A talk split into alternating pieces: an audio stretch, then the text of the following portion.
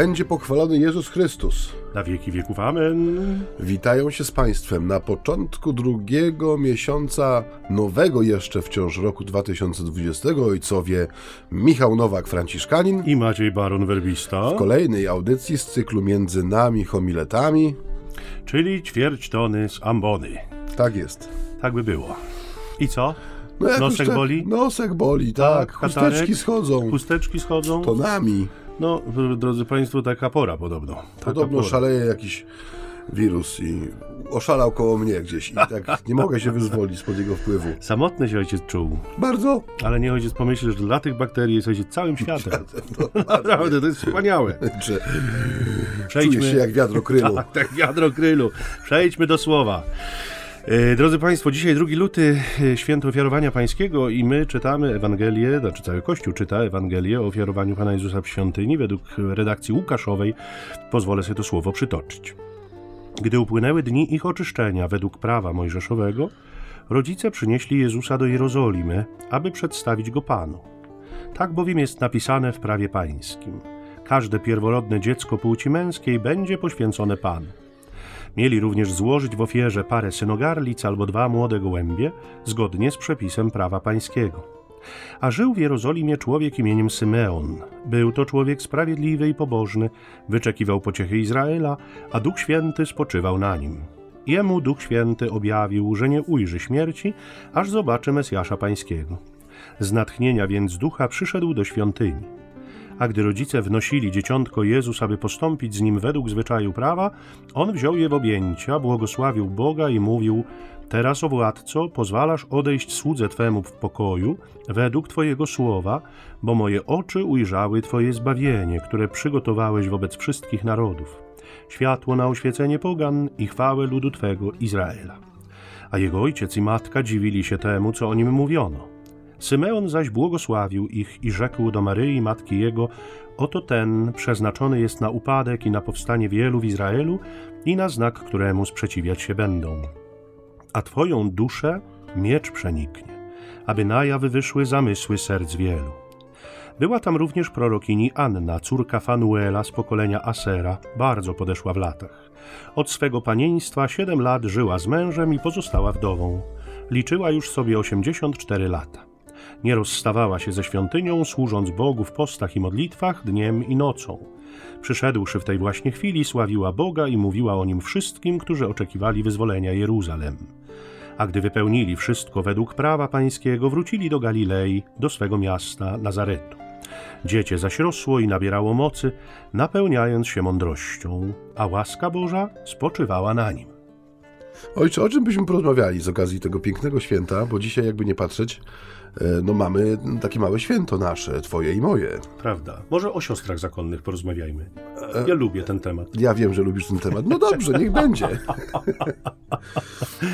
Nie, porozmawiajmy o prawie Bożym, bo ym, myślę, że od tego warto zacząć. Drodzy Państwo, ym, zwróćcie uwagę na wierność prawu rodziców Jezusa, a później również na wierność prawu samego Jezusa. W poprzedniej audycji bodaj stawiałem pytanie, czy Jezus nie był populistą, czy nie mówił tego, co ludzie chcieli akurat usłyszeć. A dzisiaj postawiłbym pytanie, czy Jezus nie był anarchistą? Czy on y, czasem. Wytłumacz ten termin, bo ja nie do końca go rozumiem. No, anarchista religijny, anarchista prawny. Myślę, że to tutaj trzeba by rozumieć w perspektywie takiego człowieka, który właściwie sam decyduje o tym, co jest prawem. A, w ten sposób, Tak, dobrze. tak. W jaki, w jaki sposób je będzie przestrzegał. A przecież mamy takie e, sygnały, wprawdzie no jeszcze nie na tym etapie, bo Jezus jest dzisiaj przedstawiany nam jako niemowlę ciągle, ale y, na etapie jego nauczania publicznego mamy takie sygnały, że on tak powiedziałbym dość wybiórczo to prawo traktuje, zwłaszcza w niektórych aspektach, jakoś szczególnie ym, mu miłych, choćby szabat, czy post, czy podatek płacony Cezarowi, to były takie kwestie, w których rzeczywiście mm, Jezus troszkę inaczej rzeczywistość prawa rozumiał czy ustawiał. Ej, I znów myślę, że to y, jakby odpowiedź y, na pytanie, czy Jezus nie był anarchistą, jest dość y, prostą. Ja mogę odpowiedzieć. No, Mogę? y, y, no niech mnie ojciec zaskoczy. Nie był. no brawo! Ja myślę, że rzeczywiście jesteśmy tutaj zbieżni, jeśli chodzi o interpretację e, jego podejścia do prawa. Nie była to anarchia z całą pewnością, nie było to lekceważenie prawa, ale myślę, że trzeba e, tę rzeczywistość widzieć w dwóch aspektach. To znaczy, oba są obecne w Słowie Bożym. Pierwszy to jest wychowawcza rola prawa. Musimy sobie uświadomić, że prawodawcą jest Bóg. A w związku z tym jeszcze y, troszeczkę się musimy cofnąć, mianowicie do tego, jak rozumiemy Jezusa, nie? jak on sam nam się przedstawia, bo y, pytaliśmy też o to w jednej z poprzednich audycji, czy jest szaleńcem, czy jest y, człowiekiem, który kłamie, czy szarlatanem, czy też jest Bogiem w istocie, tak jak o sobie sam mówi. Jeżeli jest Bogiem, to jest również prawodawcą. To prawo, które, według którego żyli Izraelici wówczas, miało przede wszystkim rolę wychowawczą. E, co zresztą później święty Paweł będzie bardzo mocno podkreślał w listach do Rzymian, w liście do, do Galatów, że prawo e, no, nie uwalnia od grzechu. Prawo pokazuje grzech, prawo go uświadamia, uzmysławia nam grzech. Nie? Jedynym, który uwalnia od grzechu jest Bóg. A więc prawo jest narzędziem. Prawo nie jest Bogiem.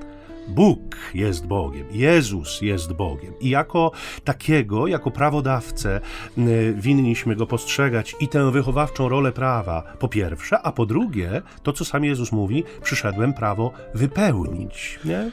Czyli w jakiś sposób pokazać ostateczną jego wartość, pokazać w jaki sposób należy je rozumieć, pokazać właśnie chyba to, że ono nie jest jakby celem samo w sobie, ale jest środkiem do osiągnięcia celu i jako takie powinno być rozumiane. Stąd, kiedy dzisiaj patrzymy na rodziców Jezusa, którzy przynoszą swojego pierworodnego do świątyni według zasad prawa, którzy składają ofiarę ubogich według zasad prawa, no to patrzymy na nich jako ludzi, którzy rzeczywiście traktują prawo jako coś istotnego i coś ważnego, ale w dłoniach trzymają tego, który jest jego źródłem. Mhm. Jednocześnie jego wypełnieniem. Dokładnie, o którego w tym wszystkim chodzi. I o tym nam chyba nie wolno zapomnieć. Nie wolno absolutnie. Zresztą y, Jezus sam jak gdyby y, pewnie w sposób świadomy stawia się w roli prawodawcy. Zauważ, że kiedy y, szukamy tych analogii mm, w Piśmie Świętym, tych momentów, które wzajemnie się uzupełniają, to widzimy, że kiedy Jezus wychodzi na górę, zasiada, aby mówić i otacza go wielka rzesza i, i wypowiada to, co znamy jako kazanie na górze, czy mowa na górze, no to Jezus jest takim nowym prawodawcą. Jako jedyny ma prawo do tego, żeby w sposób twórczy to prawo, któremu też jako Żyd jest podległy, interpretować. Wypełnić je nową treścią. Tak? Wypełnić je właściwie nie tyle nową, co autentyczną treścią. Tak, słyszeliście, że powiedziałem? Tak jest. I to jest ja nie, tak, i to nie jest na zasadzie przeciwstawienia się temu, co powiedziano, tylko gdyby nadania temu słowu właściwej treści, bo jeżeli słowo jest, termin jest pusty, no to nas raz, że nie obowiązuje, no bo nie ma czego obowiązywać, no a dwa, że jest, jest takim słowem podatnym na różnego rodzaju manipulacje, na właśnie tworzenie jakichś dziwnych zasad, które mają niby, tak jak mieli to Żydzi w zwyczaju dodawać tych 613 nakazików, zakazików, momentów, w których człowiek mógł się zawikłać i zaplątać, tak, że to prawo się rzeczywiście było jakimś takim jarzmem, które mogło sprawić, że nie służyło wychowaniu, a raczej uciemiężeniu człowieka. Zresztą e, Pan Jezus na kartach Ewangelii kilkakrotnie pokazuje te momenty. No właśnie chociażby kiedy jest mowa o szabacie, o tym łuskaniu kłosów w szabat, tak. że prawo w tym momencie stało się dla człowieka jarzmem, bo, no bo z jednej strony ci, którzy łuskali te, te kłosy w szabat, no zaspokajali swój taki najbardziej podstawowy głód, czyli po prostu głód fizyczny, potrzebę, fundamentalną tak. potrzebę, a z drugiej strony, no gdyby nie ten komentarz Jezusa, to bylibyśmy zostawieni no, z takim przeświadczeniem, że zostało złamane to prawo w sposób bardzo rażący. Bo jeżeli nie ma głębokiej, jeżeli nie ma takiej głębokiej treści i zrozumienia, czym to prawo jest, a to prawo, znaczy inaczej, patrząc na Jezusa, przeczytałem kiedyś w jakimś mądrym, mądrym książku, że patrzymy na żywy komentarz do Tory, nie? Mm. Że Jezus jest nie tylko wypełnieniem, ale jego życie tak jak nam przekazują ewangeliści, jest żywym komentarzem do tego prawa, które on wypełnił. Ale co ciekawe, on jakby e, odwołuje się do pewnych znanych faktów Żydom, choćby. A pamiętacie Dawida, który wszedł do świątyni i jadł chleby pokładne, on sam i jego ludzie, mimo że tylko kapłanom je wolno było jeść, a zatem istniały precedensy w tym prawie, o których Żydzi doskonale wiedzieli, a jednak tak potwornie się bronili przed tym, żeby te precedensy stawały im przed oczami w sytuacji, sytuacjach, których powinny w sposób oczywisty im stanąć przed oczami, nie? Bo wiadomo było, że choćby w tej sytuacji, kiedy uczniowie łuskają kłosy w szabat, to nie jest y, zamach na prawo i nie jest to ich niefrasobliwość, ich lekceważenie, ale rzeczywiście jest to, jest to kwestia y, no właśnie zaspokajania fundamentalnej, fundamentalnej potrzeby. Nie? To, to, to, co mówisz, jest chyba głęboko prawdziwe, że dla y, wielu z, z tych, którzy przestrzegali tego prawa i dbali o przestrzeganie tego prawa, ono stało się bożkiem, a z drugiej strony, jak mówi się o bożkach w Piśmie Świętym, martwe, puste w środku, nic nie niosące ze sobą. Mają usta, ale nie mówią, mają oczy, ale nie widzą. Nic w nich nie ma tak naprawdę, nie? Więc czcimy pustkę tak naprawdę, nie czcimy coś, co nie daje życia. Ale z drugiej strony też ja, kiedy czytam tę Ewangelię, oczywiście można sobie zrobić też z takich... przykładów, o których mówisz, takich chłopców do bicia, nie? Musimy mieć świadomość, że jednak no, w Izraelu była cała rzesza ludzi, którzy w sposób y, święty i pobożny rzeczywiście byli wychowywani przez prawo do czego? Do tego, żeby być blisko Boga, bo też sama rola wychowawcza prawa nie może być wychowaniem dla jakiejś dyscypliny czy tresury.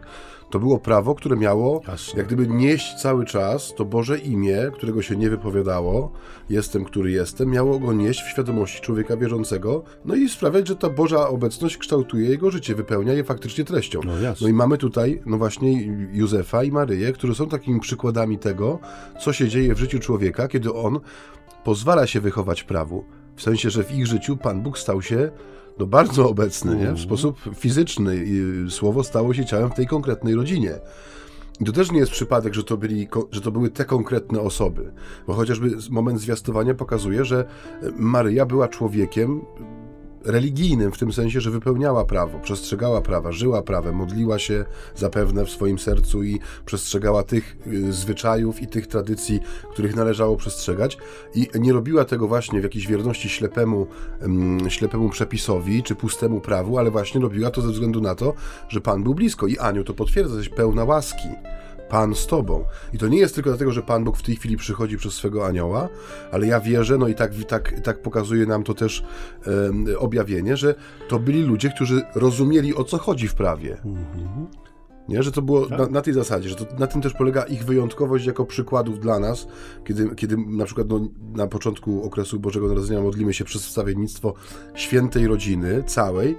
Nie tylko czcimy jak gdyby Jezusa, który się narodził, ale też y, Józefa i Maryję, jako tych, którzy faktycznie byli nauczycielami, wychowawcami, ale też sami byli wychowani przez Pana, mhm. przestrzegając tego prawa, które ich kształtowało. Ja bym powiedział, że nie tylko oni tutaj są takimi świadkami, bo mamy przecież przecież. Chciałem właśnie w drugiej części wypowiedzi przejść, ale to już proszę bardzo ojciec przejął. No tak, to jednak musisz uważać na te oddechy, żeby one były krótsze, wiesz, żeby mi się nie udało wtrącić, bo jak się wtrącę, Nam katarek, masz pozamiatane, niestety. Jak już Więc, się wtrącił, to proszę kontynuować. Tak, no wiadomo, że mamy starca Symeona, nie? który też jest człowiekiem odmalowanym nam na kartach tej Ewangelii, czy w tym fragmencie Ewangelii, jako człowiek, który żyje według prawa. Nie? Bo jeśli słyszymy, że to jest człowiek sprawiedliwy i pobożny, no to niewątpliwie ma to swoje osadzenie, ma to swoje zakorzenienie w prawie Izraela, bo to nie jest pobożność oderwana od prawa i to nie jest sprawiedliwość oderwana od prawa, tylko ukształtowana przez to właśnie prawo. Ale, ale to jest świadek. I mówiłem w którejś z audycji poprzednich, że to, ten motyw świadectwa będzie nam przez kilka tygodni bardzo mocno tutaj towarzyszył. I dzisiaj, wówczas, kiedy to mówiłem, mówiliśmy o Janie Chrzcicielu jako świadku. Dzisiaj mówimy o Symeonie, a za chwilę jeszcze powiemy o świadkowej, świad, pani, która świadczy. To nie wiem, jak tu odmienić, żeby to było właściwe. No teraz feminatywy są w mowie, może no świadczyni. Właśnie, świadczyni. w każdym razie e, mówimy w tej chwili o Symeonie, e, człowieku sprawiedliwym i pobożnym. I te dwie sprawy idą w parze. Wiara, która wpływa na życie. Nie? To nie sposób ich traktować rozłącznie. Ja y, czasem, zresztą już kiedyś może ten przykład podawałem, ja mam takie wrażenie, że bardzo często współcześnie mamy taką y, y postawę, y, którą ja określam mianem łyżwiarstwa szybkiego. Nie? Wiecie Państwo, jak łyżwiarstwo szybkie wygląda na olimpiadzie? To są dwa tory, na których dwaj łyżwiarze obok siebie y, suną i tam nie ma żadnych punktów stycznych. I to tak trochę jest wiara, życie, wiara, życie. Nie ma za bardzo punktów stycznych Potrafimy to dzisiaj jakoś doskonale rozdzielić, te rzeczywistości. Nie wiem jak, przyznam szczerze, nie umiem, ale, ale mam wrażenie, że jednak jest taka umiejętność w narodzie. Rozdzielenia wiary i rozdzielenia życia. One są jakby nie, niespójne. Natomiast w przypadku Simeona y, wiara zdecydowanie wpływa na życie mm, i y, myślę sobie, że tak jak powiedziałem przed chwilą, że tych rzeczywistości nie można rozłącznie traktować, to znaczy sprawiedliwości i pobożności. Chociaż oczywiście są głosy takie, które mówią, no mamy ludzi niewierzących, którzy są dobrzy. No, no mamy, Niewątpliwie mamy, ale jakby my głęboko jesteśmy przekonani y, o tym, że stwórcą i wierzących, i niewierzących, i wszystkich ludzi jest Bóg. A jeżeli On odwzorowuje w sobie nasz obraz, to nie ma żadnych przeszkód, żeby człowiek niewierzący był dobry, bo Bóg jest dobry. I Bóg nas stwarza dobrymi, niewątpliwie. Nie? Natomiast ta dobroć, ona zdecydowanie inaczej winna wyglądać, zdecydowanie pogłębiona winną by, winna być, y, zdecydowanie dalej powinna iść w perspektywie człowieka wierzącego, bo już wtedy nie mówimy li tylko o dobroci, ale mówimy o świętości. A o świętości nie można no mówić bez tak. odniesienia do Boga. O dobroci tak, naturalnej, ale o świętości już nie, bo do świętości jest nam potrzebny e, Bóg. I dzisiaj widzimy Simeona jako świadka tejże świętości, tej drogi do świętości, jako dojrzałego człowieka, bo mówiłeś przed chwilą o Maryi i Józefie, to są bardzo młodzi ludzie, e, którzy owszem ukształtowani już przez... A jaki młodzi jak w kolędzie, że Józef stary. no właśnie chciałem, Chciałem o tym powiedzieć, właśnie, że. Coś tu e, ojciec naginam. Naginam. E, Niszczy mi dzieciństwo. No przykro mi, niestety, aczkolwiek e, stary Józef to jest, że tak powiem, efekt wpływu apokryficznego, zwłaszcza protoewangelii Jakuba, która tak opisuje Józefa jako sędziwego starca, który bierze Maryję za, za małżonkę. Nie ma podstaw, żeby tak uważać, nie ma podstaw, żeby Sędziwy tak sądzić. starzec nie udźwignąłby młotka, żeby być cieślą. Trudno by było, niewątpliwie byłoby trudno, więc zakładamy, że jak najbardziej bardziej Józef był młodym człowiekiem i Maryja niewątpliwie była młodą dziewczyną, e, więc to są ludzie, którzy są jakby u początku drogi. Symeon jest e, niejako u końca tej drogi. Jego życie jest ukształtowane przez prawo, sprawiedliwość i pobożność. To są te dwa filary, na których on swoje życie oparł, czy między którymi je rozpiął. I tu widzimy też bardzo, bardzo, bardzo mocną więź z Duchem Świętym. Że jakby e, na dowód tego, że, ta, że tego życie jest sprawiedliwe i pobożne, na dowód, że ono jest przeniknięte Bożym prawem, które jest właściwie rozumiane, jest mowa o tym natchnieniu, szczególnym natchnieniu Ducha Świętego, który go tam przysyła do tej świątyni, który go przenika, który wcześniej mu zapowiada, że nie ujrzy śmierci, zanim nie ujrzy zbawienia. Ta więź i ta, to natchnienie szczególne, mm, e, objawienie szczególne mm, e, jest czymś właściwym dla ludzi, którzy, e, tak jak powiadam, żyją sprawiedliwie i pobożnie. I to środowisko wiernej konsekwencji, tak sobie to określiłem, jest miejscem objawiania Ojciec się Boga. tworzy tutaj takie Naprawdę. terminy, że my wydamy chyba książkę na koniec tego roku. Środowisko wiernej konsekwencji jest miejscem objawiania się Boga. Ja tutaj muszę powiedzieć, że ja często myślę o Symeonie w kontekście mszy świętej. On jest takim jednym z moich ulubionych bohaterów, nie tylko dlatego, że codziennie spotykamy się z nim e, we komplecie, we brewiarzu, bo jego kantyk jest, jest, taką, jest takim zwieńczeniem tej modlitwy wieczornej, nocnej właściwie Kościoła. Ale ja już od, odwołam się do tego, co powiedziałeś, bo to jest też świetny przykład, jeżeli chodzi o to łyżwiarstwo szybkie. Mm -hmm. Czyli ten absolutny brak styczności między jednym a drugim torem. I to można sobie teraz, skoro już tak sobie dywagujemy i rozmawiamy, e, w ten pierwszy tydzień miesiąca lutego z katarem i bakteriami, Dlaczego tak jest? Jaka jest przyczyna tego rozziewu? No bo z reguły człowiek ma taką naturę, że jak nabędziesz jakąś wiedzę teoretyczną, jakąkolwiek, nie wiem, czy to będzie, no, choć dajmy na to, że jesteś fanem sklejania modeli, z, z, z, tych gotowych takich pół, półproduktów. No jeżeli nabędziesz pewnej wprawy w tym, to to ci sprawia radość, wykorzystujesz to. Jeżeli kupujesz sobie następny model, bo już wiesz, ile kleju użyć, jakiej farby użyć, jak to zmontować, żeby to ładnie wyglądało, żeby cieszyło oko i też, żeby można się było tym pochwalić przed kimś, e, kto przychodzi na kawkę. Wiara, którą wyznajemy, no jest czymś niesamowitym. Jest zupełnie nowym spojrzeniem na świat, na człowieka. Nadaje zupełnie nową interpretację życiu ludzkiemu, cierpieniu, radości. Odnosi wszystko do nieskończonego horyzontu Pana Boga. Więc no, gdyby, jeżeli przyjmujemy, że, że tak jest, no to powinno to jak najbardziej właśnie prowadzić do tego, że te dwa tory stają się przynajmniej w jakiś sposób na siebie zachodzące, żeby nie powiedzieć, że stają się jednym torem. A dlaczego mówię o tym w kontekście Symeona? Mnie się bardzo podoba to, co tu właśnie Łukasz nam przedstawia, ewangelista, że on wyczekuje pociechy i ma tą obietnicę, że nie ujrzy śmierci, dopóki nie zobaczy własnymi oczami Zbawiciela. I dla mnie to jest taki człowiek bardzo eucharystyczny. Bo tu już to kiedyś mówiłem, że byłem kiedyś na rekolekcjach, siedziałem sobie w konfesjonale w czasie mszy, już nie było wiele penitentów i przyszła wielka tajemnica wiary.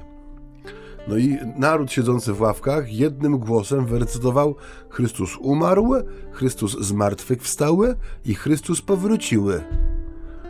I tak abs absolutnie bezrefleksyjnie to poszło. I tak sobie pomyślałem, że my jesteśmy często ludźmi, którzy na nic nie czekają.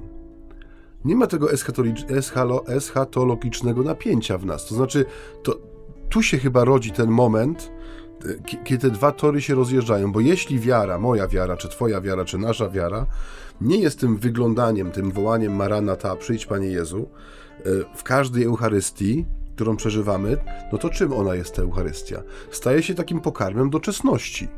Tym sensie, że zaczynamy traktować Ewangelię, wspólnotę jako jakieś remedium na nasze bolączki, pragnienia, chwilową duchową potrzebę. Zauważ, ile, ile razy jestem, już to kiedyś też mówiłem w księgarni, ile jest tych um, takich książek poradnikowych, które mają nam pomóc w, w poukładaniu sobie życia, e, w zmniejszeniu e, stresu czy napięcia. E, I często też na, na, na, tej, na gruncie literatury chrześcijańskiej pojawiają się takie książki ala pomysłowy Dobromir, prawda, z cytatem z Ewangelii, czy z listu Pawłowego, czy z innej księgi biblijnej, które mają nam pomóc opanować emocje, stres, bla, bla. No, masy tego jest, nie? A mnie się wydaje, że nam, my trochę jesteśmy jak ci ludzie z parafii, której nazwy teraz nie wymienię, gdzie naprawdę w takim, no też taki dzień jak dzisiaj był troszeczkę taki szary, bury i ta kongregacja, która na wezwanie celebransa, oto wielka tajemnica wiary, recytuje bezmyślnie zupełnie Chrystus umarł, Chrystus zmartwychwstały i Chrystus powróciły. Czyli już na nic nie czekają, a ten Chrystus, który powrócił też nic już dla nich nie znaczy właściwie, no bo nie widać żadnej radości, skoro już powrócił, no to powinna być radość. Więc tu mi się wydaje, rodzi się, rodzą się te dwa tory. Jeśli w nas nie ma tego wyczekiwania i nadziei na powrót Pana, tego, który dopełni, to cały adwent o tym właściwie jest, nie? Cały adwent jest takim ćwiczeniem się w poprawnym deklamowaniu aklamacji po przeistoczeniu.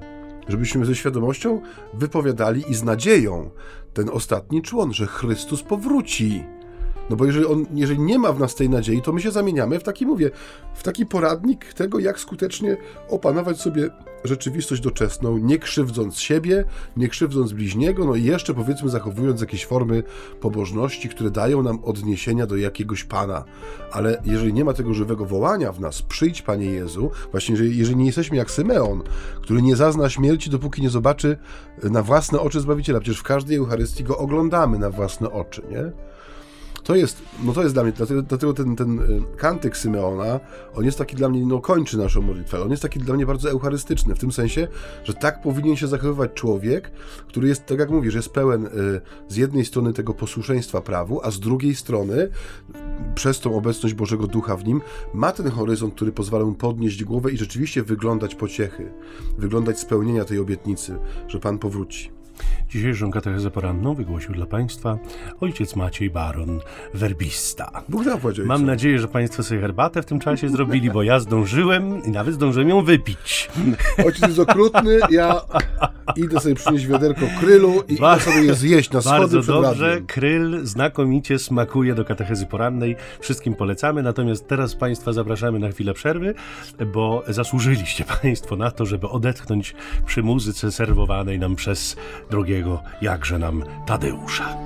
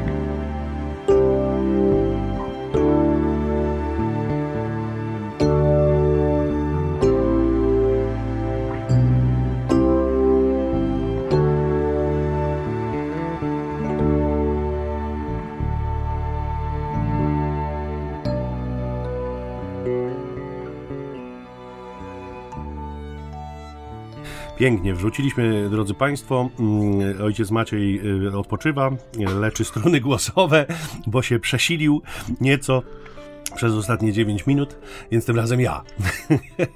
12 minut, proszę Państwa, proszę. można sobie nastawić rosół. I jajka ugotować, trzy tury, po 4 minuty. W każdym razie wracamy do poważnych rzeczy. Y, jest takie powiedzenie, zobaczyć Neapol i umrzeć. Niektórzy Neapol? mówią tak. No, właśnie podobno, w oryginale podobno Neapol.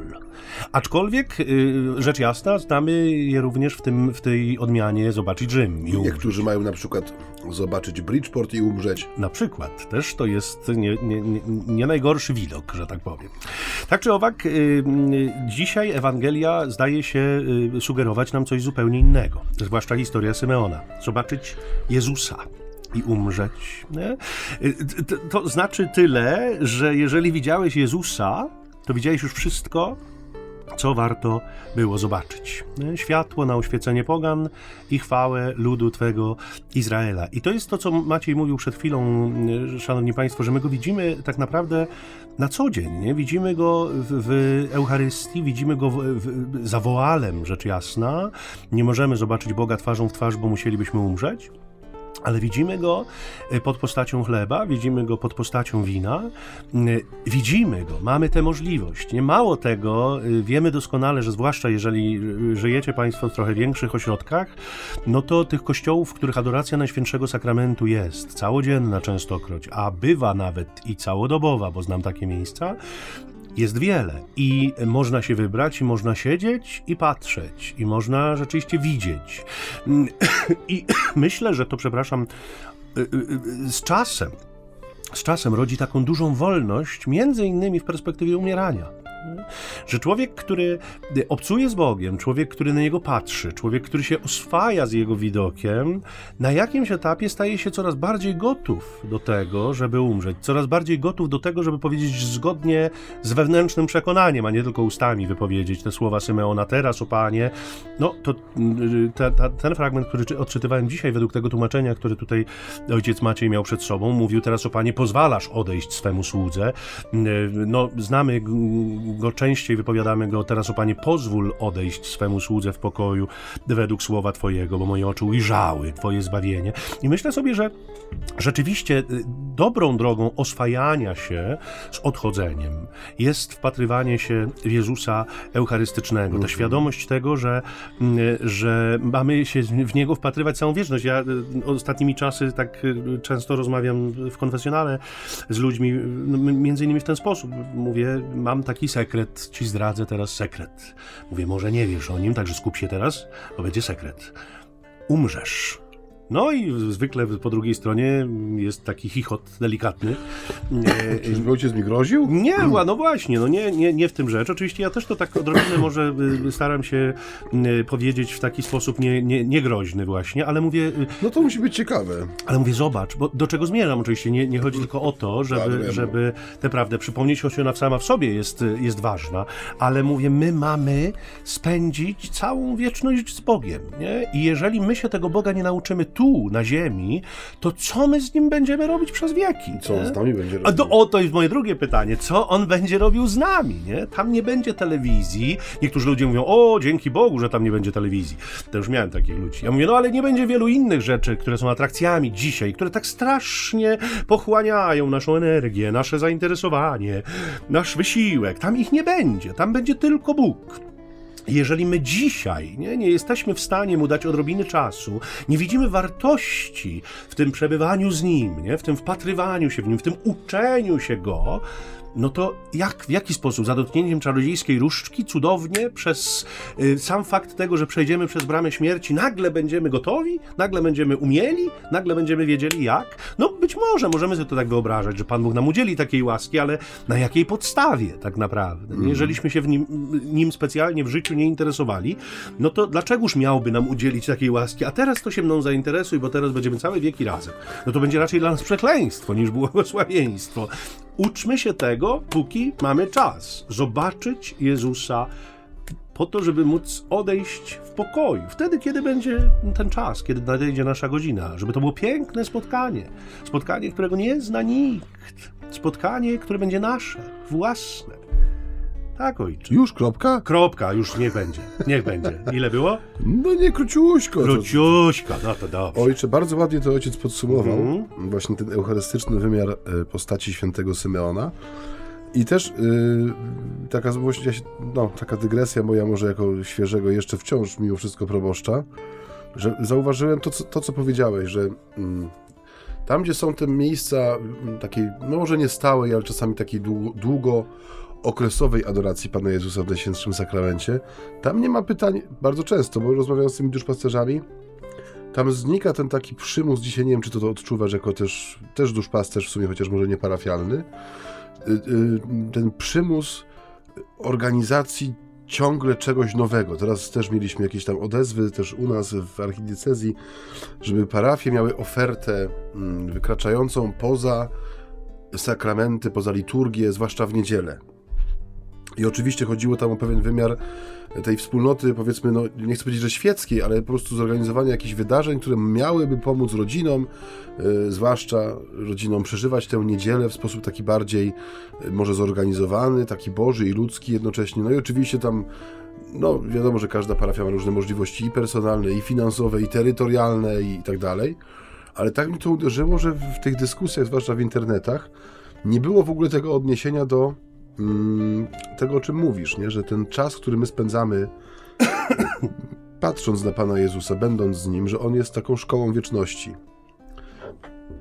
Że często, kiedy, tak jak wypowiadasz to zapewne w sposób bardzo życzliwy i miły, e, tą zapowiedź egzystencjalną, tak. że umrzesz człowieku, tak.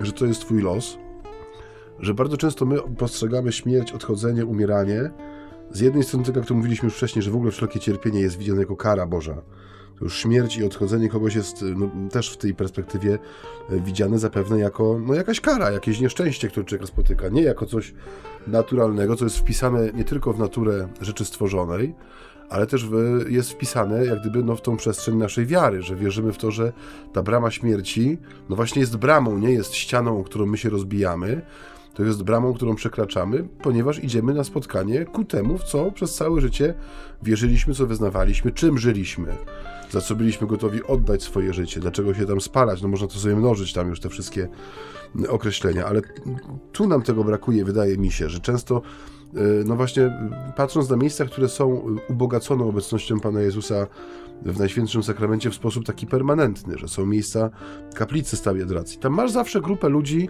to rzadko kiedy to są miejsca puste, o tak powiem. Nie? Zresztą jesteśmy w Niepokalanowie, tu też e, paręset metrów od nas jest, jest przepiękna kaplica z tym, tym ołtarzem niesamowitym i tam, za, zachodząc tam, tam zawsze są ludzie, dla których to jest oferta. Nie? Niekoniecznie jakaś, tak. mówię znowu, wymyślanie dmuchanych placów zabaw i straganów z watą cukrową musi być dopełnieniem oferty parafii czy, czy miejsca świętego. Nie, że Jezus jest tym, co e, człowiek powinien otrzymywać w takim miejscu. Przede wszystkim, nie? I że jeżeli stwarzasz taką możliwość, zauważyłem, że takie, takie miejsca, jeżeli są stworzone, one rzadko są puste. Oczywiście my cały czas mamy jeszcze ten, mówię teraz my, jako duszpasterze, mamy cały czas oczywiście ten, ten niedosyt, bo lubimy, kiedy ławki są pełne, prawda, kiedy jest tłum, e, niekoniecznie wspólnota, bo wtedy wie, wiadomo, że się dzieje, coś się, coś się zrobiło, coś się osiągnęło, kiedy jest 8-10 osób na jakimś wydarzeniu, no to jest w nas pewien niedosyt, ale my zapominamy, że Pan Jezus nie jest y, hurtownikiem, czy pośrednikiem w obrocie hurtowym yy, jakiegokolwiek sortu, ale jest tym, który stawia każdego człowieka wobec siebie. Nie? Ewangelia nigdy nie przynosi nam tym, tych obrazów masowych spotkań w tym sensie, nie? że kiedy mamy już jakiś zapis spotkania, zauważamy, że to jest albo jedna osoba, albo dwie osoby, tak jak mamy dzisiaj na przykład ten, ten, ten, ten opis, gdzie mamy tych dwoje bohaterów, czy właściwie czworo, biorąc pod uwagę jeszcze e, Maryję i Józefa, ale to są, że, to są z reguły no, małe... Mm, kwoty, jeżeli chodzi o ludzi, nie? A w nas ciągle jest trochę ten taki e, paradygmat e, PGE narodowego, że dopiero jak jest mhm. PGE narodowy wypełniony i wszyscy klaszczemy dla Jezusa, to wtedy osiągnęliśmy sukces. Owszem, pewnie jakiś sukces tam się osiąga w tym, nie? Ale jak gdyby nie to jest tą miarą ewangeliczną tutaj, nie? Dokładnie. Zresztą w tłumie, który ma zawsze swoją też narrację i swój szum, nie usłyszałbyś tych słów y, Symeona. One by gdzieś utonęły w tym hałasie, nie? No właśnie on wypowiada tych słów trochę więcej. Przed chwilą też o nie zahaczyłeś, bo powiedziałeś o tym cierpieniu, które wraca nam jak bumerang też w czasie tych naszych audycji mm, i które jest traktowane częstokroć jako przekleństwo, y, podczas gdy Symeon y, zapowiada je w Maryi wprost. Nie, twoją duszę miecz przeniknie. I ona, y, to, te proroctwa generalnie Symeona, one są, myślę, mocno niezrozumiałe dla Maryi. Y, przypomnijmy, że to jest 40 dni po narodzinach Jezusa, to są jeszcze ciągle wszystko świeże sprawy. Dopiero co się wydarzyło, dopiero co aniołowie, dopiero co y, ci pasterze, którzy przyszli na noc, to, to wszystko jest jeszcze całkiem świeże i nagle przychodzi starzec, który mówi, będziesz cierpieć z powodu swojego dziecka, nie? Dlatego, że y, z jego powodu również wyjdą na jakby zewnątrz, czy wejdą na jaw zamysły serc wielu. On będzie tym, tą, y, tym kamieniem węgielnym, o który się ludzie potkną, o który wobec którego nikt nie przejdzie obojętnie, nie? wobec którego też będzie wiele nienawiści i ta nienawiść dotknie ciebie jako jego matkę. Mało tego, y, y, w tym cierpieniu, choć Maryja jeszcze tego nie wie, chociaż już samo to proroctwo jest tego zapowiedzią, będzie dużo niezrozumienia. Nie? To tak jakby Symeon mówi, nie, nie, mówił, nie będziesz rozumiała twojego dziecka. O czym Maryja przekona się za parę lat, kiedy Jezus jej zginie w Jerozolimie w czasie święta. I okaże się, że ona nie pojmuje dwunastolatka. Nie? Że to jest coś, co, przekra- co wykracza poza ludzkie możliwości. Nie? Ona go pyta o coś, a on jej odpowiada tajemniczymi słowami, że powinienem być w domu mojego ojca, po co mnie szukaliście. Ona zbiera te wszystkie rzeczy w swoim sercu, ale ona ich nie rozumie. Nie? Ona nie wie do końca, w czym rzecz. Nie? To jest tak absolutnie wyjątkowe dziecko, tak absolutnie wyjątkowa sytuacja, tak absolutnie wyjątkowa rodzina, że nie sposób, jakby, nie sposób tego pojąć, nie sposób tego, mm, tego poukładać sobie w głowie. Nie? I to jest też źródło cierpienia, które, które mm, rzecz jasna no, zapowiada to ostateczne cierpienie, które Maryja będzie ponosić mm, pod krzyżem. Nie? Dziś dzisiaj ten człowiek z natchnienia Ducha Świętego jej mówi: To cierpienie jest elementem Twojego życia. Nie unikniesz go, bo Jezus go nie unika, bo Jezus go nie odrzuca, bo Jezus w nie wchodzi. Jeśli jesteś zjednoczona z Jezusem, a kto jest bardziej niż jego matka? Będziesz cierpieć, będziesz uczestniczyć w cierpieniu Jezusa. I to jest, drodzy Państwo, to, y, o czym nam mówi katechizm Kościoła katolickiego w punktach 519 i 521, że wszystkie misteria Chrystusa są dla nas, że Jezus wcielając się zjednoczył się niejako z każdym człowiekiem. Więc jeżeli jesteś zjednoczony z Jezusem, zjednoczona z Jezusem, nie możesz uniknąć cierpienia, bo On cierpiał, bo On kochał tak, że cierpiał. Nie? I my, idąc tą samą drogą, nie unikniemy, nie, nie, nie, możemy liczyć tylko na wielkie hosanna i wielką radość z Jezusem. My musimy mieć świadomość, że cierpienie jest elementem naszego życia, dlatego, że było również elementem Jego życia.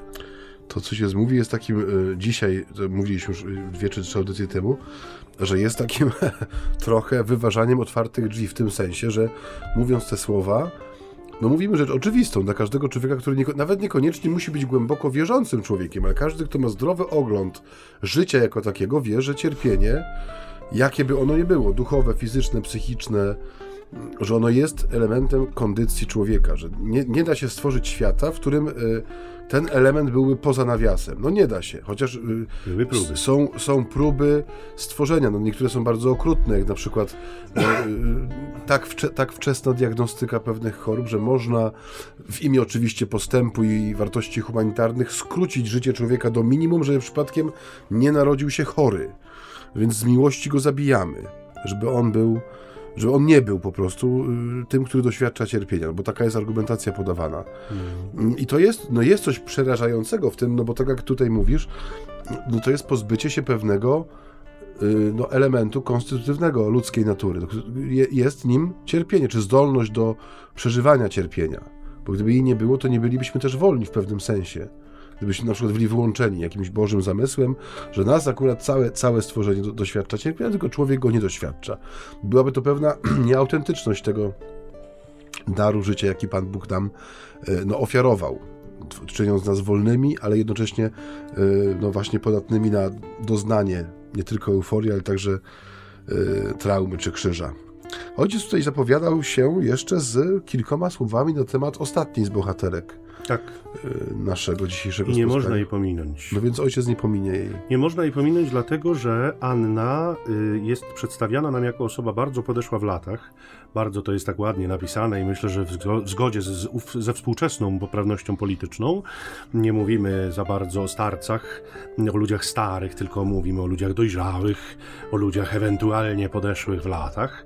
Anna właśnie taką osobą jest, liczy sobie 84 lata. W naszym rozumieniu to jeszcze może nie tak bardzo jest stara nawet, bo to właściwie jak nie wie, 90 nie ma, to gdzie to tam stara jeszcze.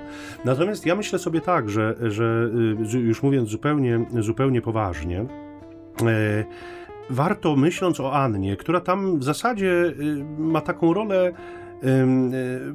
no, pośrednią czy błahą nieco, bo ona właściwie przychodzi, wychwala Boga za to, że widzi to, co się dzieje, że, że, że jakby też rozpoznaje, jakby, nie? Ale, ale właściwie y, nie tak jak Symeon, że wypowiada jakieś proroctwo, że, że to dziecię przejmuje w ręce, że nie, to, to, to nie, to jest zupełnie inna, inna rola. Natomiast, natomiast y, myślę, że przy jej osobie te role starców w naszym życiu, a przede wszystkim w naszych kościołach, warto by było sobie przemyśleć. I ja mam taką potrzebę dzisiaj, żeby podziękować wszystkim osobom starszym, zwłaszcza kobietom, bo wiemy, że więcej jednak kobiet niż mężczyzn w tych naszych kościołach się pojawia, zwłaszcza jeśli chodzi o sędziwych ludzi. Pewnie też i dlatego, że kobiety żyją dłużej, no mężczyźni jakoś tak trochę mm -hmm. szybciej e, zostają zaproszeni do domu ojca. Niemniej jest wiele, znaczy właściwie każda parafia ma takie grono nie, swoich starych kobiet, powiedzielibyśmy, które są w tej świątyni, które przychodzą, które niejednokrotnie, o ile jeszcze mają na to siły, dbają o ten kościół, którego sprzątają, którego stroją, które tam przede wszystkim się modlą czasem to rodzi jakąś, jakiś gniew, jakąś złość. Są tacy ludzie, którzy mówią, co wejdę do tego kościoła, to tam ktoś odmawia jakieś modlitwy. Nie ma ciszy, nie ma spokoju. Czasem jest y, to tak ironicznie traktowane, nie? że a te babki różańcowe, a te tam nie, od miłosierdzia, a te dewotki, a te moherowe berety. Ja chcę dzisiaj podziękować tym wszystkim osobom sędziwym, które E, jakby niejednokrotnie są taką bazą, takim fundamentem naszej, naszych świątyń, naszych parafii. E, czasem mamy takie przekonanie, że gdyby one nie przyszły, to już nikt by nie przyszedł. Czasem mamy takie przekonanie, że, że one są jakby takim nienaruszalnym elementem tej parafii. Wystroju wnętrza. Tak, że, no, że po prostu są, nie? I, I być może to nam też właśnie dlatego umyka, że one zawsze są, nie? Że to jakby nie dostrzegamy może y, na co dzień wartości w tym, że są. A ja jeszcze raz to powiem. Dziękujemy Wam za to, że przychodzicie, za to, że jesteście, za to, że mimo niejednokrotnie już pewnych trudności, czy ze zdrowiem, czy z poruszaniem się, jakiegoś niedołęstwa, stać was na to, żeby wyjść z domu, żeby się ubrać, żeby przyjść do tej świątyni, żeby ten różaniec pomodlić. Żeby, żeby... czasem obudzić proboszcza, który zaspał. Dokładnie. To miało tak, miejsce w tak moim bywa. przypadku nie A raz. właśnie, proszę. I tak bywa. Dlatego ta Anna dzisiaj, ona nam stawia przed oczy nasz stosunek również do osób starszych, nie? Do, do ich doświadczenia, do ich e, przeżyć, do tego, co ze sobą niosą, do ich historii, do, do ich stanu zdrowia, do ich stanu emocji, do, ale też do te, tej ich pewnej wolności, której nabierają, bo mówiliśmy o tym w perspektywie odchodzenia, nie? do ich powolnego żegnania się z tym światem, żegnania się z tą rzeczywistością, aby ze wzrokiem utkwionym w przyszłość zmierzać w kierunku, kierunku domu ojca. Dlatego Anna nam dzisiaj bardzo mocno na nich zwraca uwagę i myślę, że warto by było, żebyśmy o nich pamiętali już nie tylko w perspektywie Dnia Babci, Dnia Dziadka, które w zeszłym miesiącu mieliśmy okazję celebrować parę dni temu tak naprawdę, ale żebyśmy widzieli jakby na co dzień ich wartość, nie? I to, drodzy Państwo, chyba nie tylko w kościele, nie? Też może gdzieś w kolejce, może gdzieś w y, tramwaju, w autobusie, no w tych miejscach, w których oni są, żeby mieli świadomość, że my ich szanujemy, nie? Bo to chyba jest niesłychanie ważne i istotne. No pięknie to ojciec powiedział, podsumowanie audycji jak najbardziej budujące. Ja podpiszę się obiema rękami pod tym, co mówisz, bo jeszcze na koniec taką króciuśką historię powiem, że kiedy byłem młodym wikarym na Warmii w pięknym Pieniężnie, pamiętam pierwszą zimę która przyszła 2008 roku. Jeszcze wtedy, drodzy radiosłuchacze, w zimie było zimno i leżał śnieg.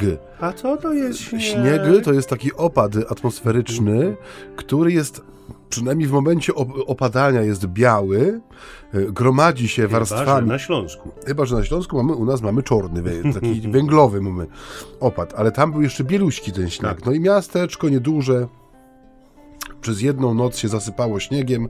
Rano tam wspólnym wysiłkiem udało się uczynić dojście do kościoła, ścieżkę taką przez, przez osiedle zrobić. No w każdym razie, no pamiętam jak gdzieś zimno, mroźno, kościół potężny, taki pięcionawowy. I idę go otworzyć, godzina 6.15, a o 6.30 trzeba było, e, jak u Pana Boga za piecem, rozhuśtać dzwon, żeby dać znać światu, że parafia żyje i działa i świat się budzi do życia.